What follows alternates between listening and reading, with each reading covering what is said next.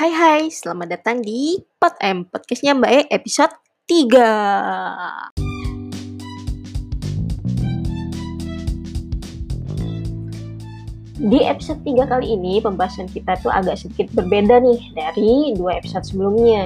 Nah, kenapa kok begitu? Kenapa kira-kira? Nah, jadi gini teman-teman, uh, di podcast kali ini tuh uh, gue akan lebih spesifik membahas mengenai uh, negara Cina atau misalnya kalau sekarang kita pakai istilahnya Tiongkok. Nah, kenapa kok gitu? Nah, nantikan terus alasannya kenapa itu setelah yang satu ini. Apa sih ini gue nggak penting, sorry ya guys.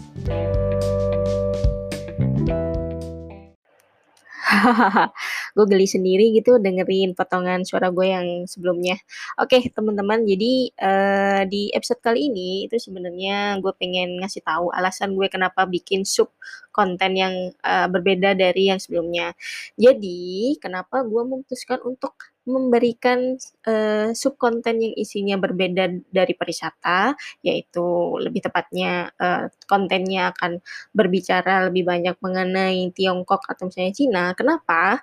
Karena gue itu dulu backgroundnya S1-nya memang dari sastra Cina gitu. Jadi gue berpikir karena podcast Mbak ini emang apa ya uh, tujuannya tuh lebih ingin sharing informasi tentang apa-apa yang dia pelajari ketika uh, dulu dia belajar baik di S1 maupun S2 maupun juga di lapangan gitu. Nah, makanya gue berpikir, oke okay deh, boleh deh ini kita masukin aja di uh, podcastnya Mbak E. Nah, untuk uh, episode kali ini itu gue akan bercerita sedikit mengenai kenapa sih kok gue tiba-tiba nyemplung di sastra Cina.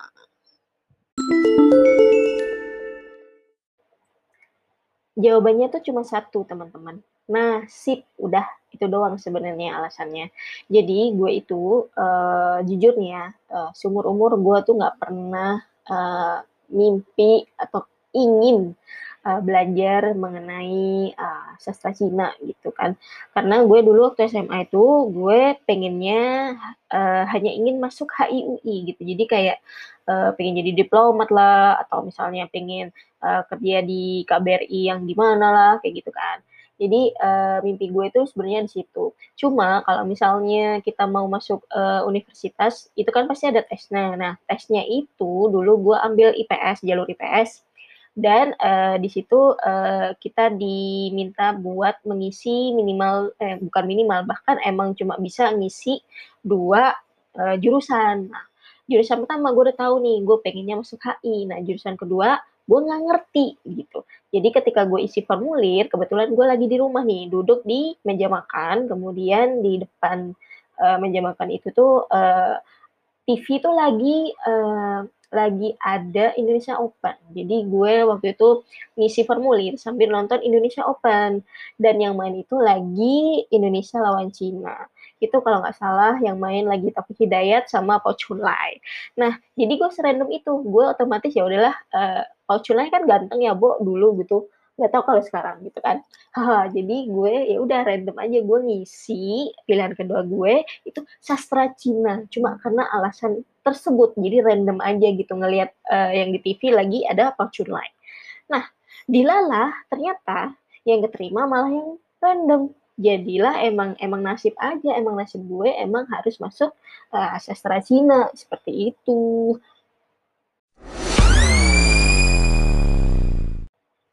Lalu ketika sudah masuk, gue belajar apa? Jadi gue di sana itu teman-teman belajar apa pun mengenai uh, negara Cina gitu. Jadi uh, misalnya gue di sana belajar bahasa itu jelas gitu kan. Kemudian gue di sana juga belajar tentang sejarah, tentang uh, politik Cina, tentang ekonomi, uh, budayanya seperti apa, kemudian uh, apa namanya Mungkin yang paling salah satu yang paling gue ingat itu adalah mata kuliah judulnya Historiografi Cina. Jadi uh, gue belajar mengenai sejarah penulisan sejarah Cina. Bingung nggak lo? Ya gue aja dulu juga bingung sih gitu. Jadi gue kayak belajar dan memahami bahwa sejarah itu adalah milik sang pemenang itu dari mata kuliah ini seperti itu. Kemudian teman-teman uh, Kalau misalnya ada ada yang nanya nih, bahasa Cina susah nggak? Jawabannya cuma satu saudara-saudara, susah.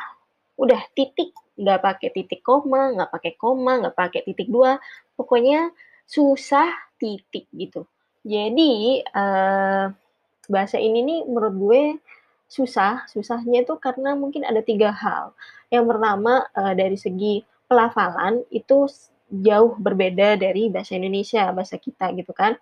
Jadi kadang untuk membunyikan suatu uh, apa namanya um, karakter gitu, uh, uh, kita tuh harus butuh usaha lebih keras. Misalnya uh, lidahnya tuh harus ditek dulu atau misalnya harus ditempel ke langit-langit dulu. Jadi atau misalnya artikulasi udaranya itu harus benar. Jadi ya seribet itu saudara-saudara. Kemudian hal lain yang membuat gue merasa bahasa ini tuh sangat menantang untuk dipelajari itu adalah nada. Jadi bahasa Mandarin itu adalah salah satu bahasa yang uh, memiliki beberapa tone dan uh, beda tone itu bisa mengakibatkan uh, berbeda makna gitu. Jadi kasarannya gini, kalau lu uh, misalnya nih lagi berantem gitulah ya sama temen gitu dan pakai bahasa Mandarin misalnya gitu, lu itu jangan sampai uh, ngeluarin nada-nada yang bisa berakibat pada makin sebelnya temen lo sama lo gitu. Jadi bisa mengakibatkan kesalahpahaman kalau misalnya nada yang kita keluarkan itu tidak sebagaimana mestinya, itu berbahaya gitu. Nah, kemudian poin ketiga yang membuat bahasa ini tuh sedikit apa ya sedikit ingin bukan sedikit sangat ingin gue menangis setiap malam itu kalau belajar itu adalah Hanse. Jadi Hanse ini itu adalah karakter uh, aksara Cina gitu. Jadi kalau misalnya teman-teman melihat uh, tulisan-tulisan Cina, nah yang yang keriting-keriting itu, nah itu namanya Hanse.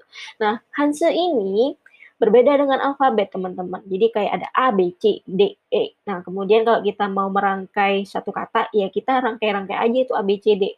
Nah, kalau di sini, di bahasa Mandarin dan Hanse, Hanse itu tidak punya sistem yang seperti itu. Jadi, mau nggak mau, lo itu kudu, kudu apa? Kudu ngapalin Hanse tiap vocab tiap kosakata itu lu harus hafal. Jadi ya udahlah, jadi ya udah begitu, hidup gue tuh begitu waktu dulu. Jadi kayak oh my god, ini bahasa gini amat. Belum nanti kalau misalnya kita belajar ada namanya uh, bahasa Cina klasik. Jadi kita belajar aksara-aksara uh, Cina yang versi lebih klasik. Jadi guratannya tuh lebih banyak. Cuma, cuma kalau misalnya diingat-ingat dulu nih, emang kayaknya ya Allah sengsara, sengsara banget ya hidup gue emang sengsara teman-teman. Cuma kalau dipikir-pikir, kalau gue nggak melalui itu semua, ya nggak ada gue yang sekarang. Azik.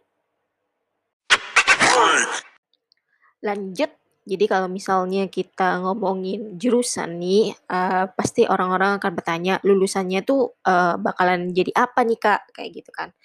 Nah, kalau sastra Cina sendiri itu sebenarnya luas, teman-teman. Jadi, uh, nggak hanya bisa jadi penerjemah atau misalnya interpreter aja, tetapi mungkin kalian juga bisa, uh, mengembangkan sayap ke mana pun gitu. Misalnya teman-teman gue tuh ada yang kerja di bank, ada yang kerja di perusahaan swasta gitu. Uh, bahkan mungkin ada yang posisinya itu uh, di bagian PR-nya misalnya atau di bagian bahkan ada yang HRD nih yang paling baru teman gue gitu kan. Bahkan ada yang jadi ASN juga gitu. Uh, jadi tidak uh, apa ya, tidak terbatas hanya uh, hanya pada uh, menjadi penerjemah atau interpreter. Nah, contohlah misalnya gue, gue ini uh, pernah bekerja sebagai interpreter dulu di perusahaan uh, Cina dulu setahun dua tahun. Nah, kemudian kan banting setir nih menjadi uh, salah satu pengajar di dua institusi yang berbeda.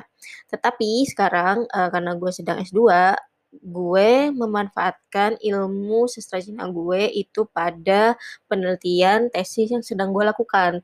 Jadi mengutip uh, kata-kata dosen-dosen kami dulu di sastra Cina bahwa uh, bahasa yang kalian pelajari itu akan menjadi jembatan kalian untuk memahami Cina lebih jauh gitu.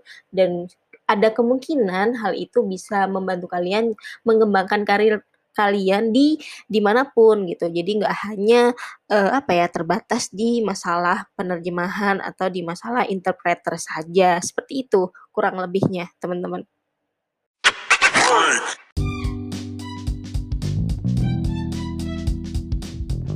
Oke, jadi episode kali ini kita sampai sini dulu dan sekali lagi gue ingin menginformasikan kepada teman-teman bahwa nantinya di pod M podcastnya Mbak ini akan terbagi menjadi dua subkonten. Jadi konten-konten yang isinya seputar tentang pariwisata, tentang hospitality dan travel. Kemudian di sub konten yang satunya lagi itu akan lebih spesifik membahas mengenai negara Cina dan uh, apa-apa yang ada di dalamnya. Seperti itu. Jadi tetap nantikan tiap episode yang kita bikin gitulah kita saya sih lebih tepatnya. Dan tetap jaga kesehatan tetap semangat uh, jangan males olahraga. Ini gue sih sebenarnya. Dan sampai jumpa. Cai bye bye